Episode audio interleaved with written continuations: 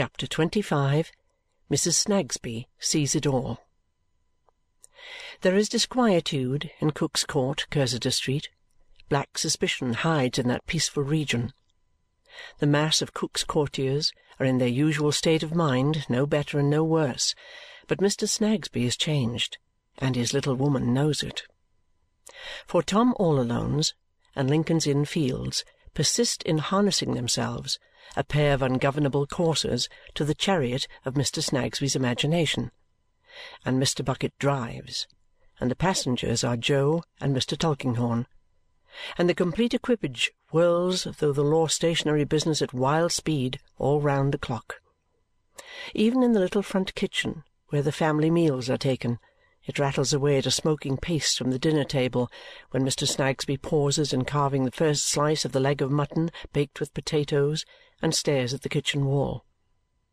Mr. Snagsby cannot make out what it is that he has had to do with. Something is wrong somewhere, but what something? What may come of it? To whom? When? And from which unthought of and unheard of quarter is the puzzle of his life.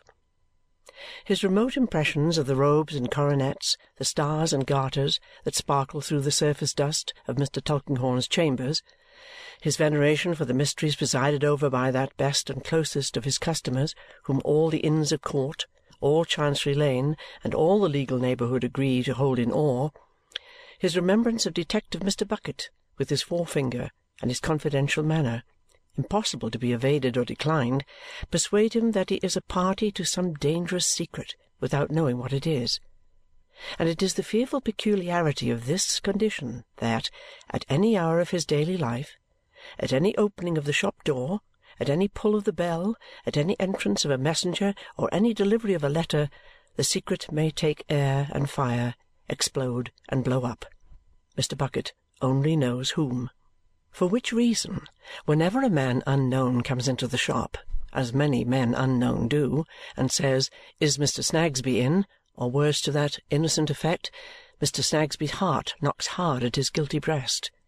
He undergoes so much from such inquiries that when they are made by boys he revenges himself by flipping at their ears over the counter and asking the young dogs what they mean by it and why they can't speak out at once.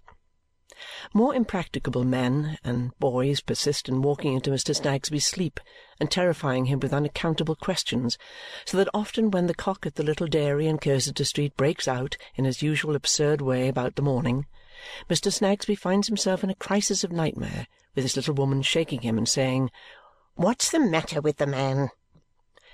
The little woman herself is not the least item in his difficulty.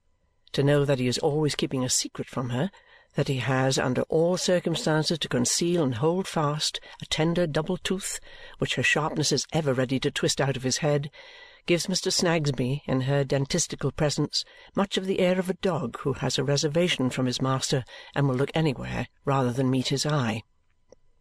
These various signs and tokens, marked by the little woman, are not lost upon her.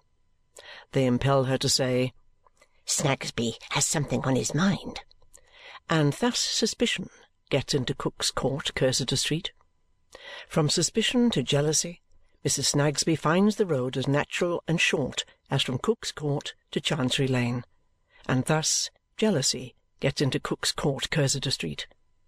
Once there, and it was always lurking thereabout, it is very active and nimble in Mrs. Snagsby's breast, prompting her to nocturnal examinations of Mr. Snagsby's pockets to secret perusals of Mr. Snagsby's letters, to private researches in the day book and ledger, till, cash box, and iron safe, to watchings at windows, listenings behind doors, and a general putting of this and that together by the wrong end.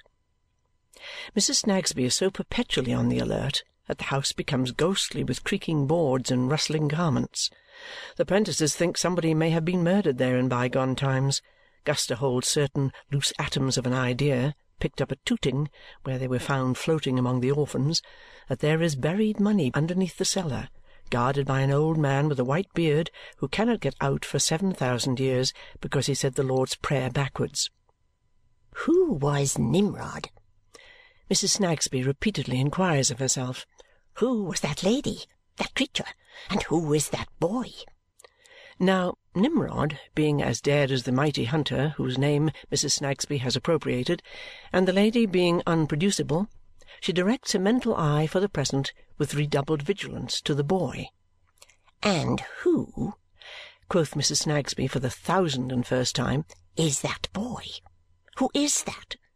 And there Mrs. Snagsby is seized with an inspiration. He has no respect for Mr. Chadband. No, to be sure, and he wouldn't have, of course.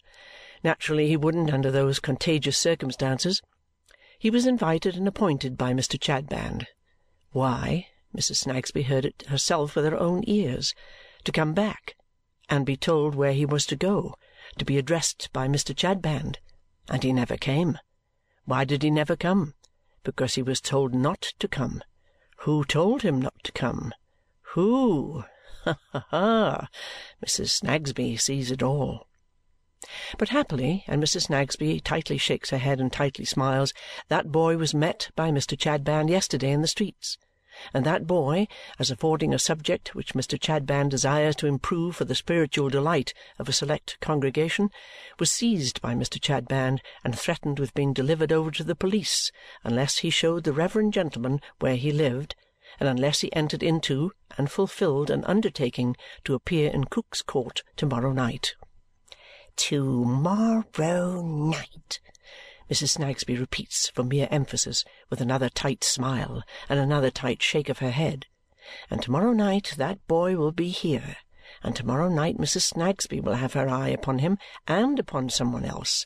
And oh, you may walk a long while in your secret ways, says Mrs. Snagsby with haughtiness and scorn, but you can't blind me. Mrs. Snagsby sounds no timbrel in anybody's ears, but holds her purpose quietly and keeps her counsel. To-morrow comes. The savoury preparations for the oil trade come. The evening comes. Comes Mr. Snagsby in his black coat. Come the Chadbands. Come, when the gorging vessel is replete, the prentices and Guster to be edified. Comes at last with his slouching head, and his shuffle backward, and his shuffle forward, and his shuffle to the right, and his shuffle to the left, and his bit of fur cap in his muddy hand, which he picks as if it were some mangy bird he had caught and was plucking before eating raw. Jo, the very, very tough subject Mr. Chadband is to improve. Mrs. Snagsby screws a watchful glance on Jo as he is brought into the little drawing-room by Guster. He looks at Mr. Snagsby the moment he comes in Aha! Why does he look at Mr. Snagsby? Mr. Snagsby looks at him. Why should he do that? But that Mrs. Snagsby sees it all. Why else should that look pass between them? Why else should Mr. Snagsby be confused and cough a signal cough behind his hand? It is as clear as crystal that Mr. Snagsby is that boy's father. Peace, my friends, says Chadband, rising and wiping the oily exudations from his reverend visage. Peace be with us, my friends. Why with us? Because, with his fat smile, it cannot be against us, because it must be for us, because it is not hardening, because it is softening, because it does not make our war like the hawk, but comes home unto us like the dove. Therefore, my friends, peace be with us. My human boy, come forward!" Stretching forth his flabby paw, Mr. Chadband lays the same on Jo's arm and considers where to station him.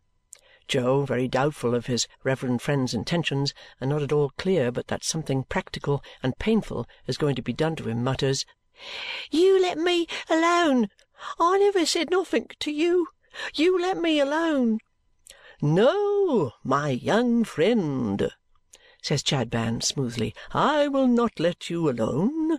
And why? Because I am a harvest labourer, because I am a toiler and a moiler, because you are delivered over unto me and are become as a precious instrument in my hands. My friends, may I so employ this instrument as to use it to your advantage, to your profit, to your gain, to your welfare, to your enrichment. My young friend, sit upon this stool." Jo, apparently possessed by an impression that the reverend gentleman wants to cut his hair, shields his head with both arms and has got into the required position with great difficulty and every possible manifestation of reluctance. When he is at last adjusted like a lay figure, Mr. Chadband, retiring behind the table, holds up his bear's paw and says, "My friends!" This is the signal for a general settlement of the audience. The 'prentices giggle internally and nudge each other. Guster falls into a staring and vacant state, compounded of a stunned admiration of Mr. Chadband and pity for the friendless outcast whose condition touches her nearly. Mrs. Snagsby silently lays trains of gunpowder. Mrs. Chadband composes herself grimly by the fire and warms her knees, finding that sensation favourable to the reception of eloquence.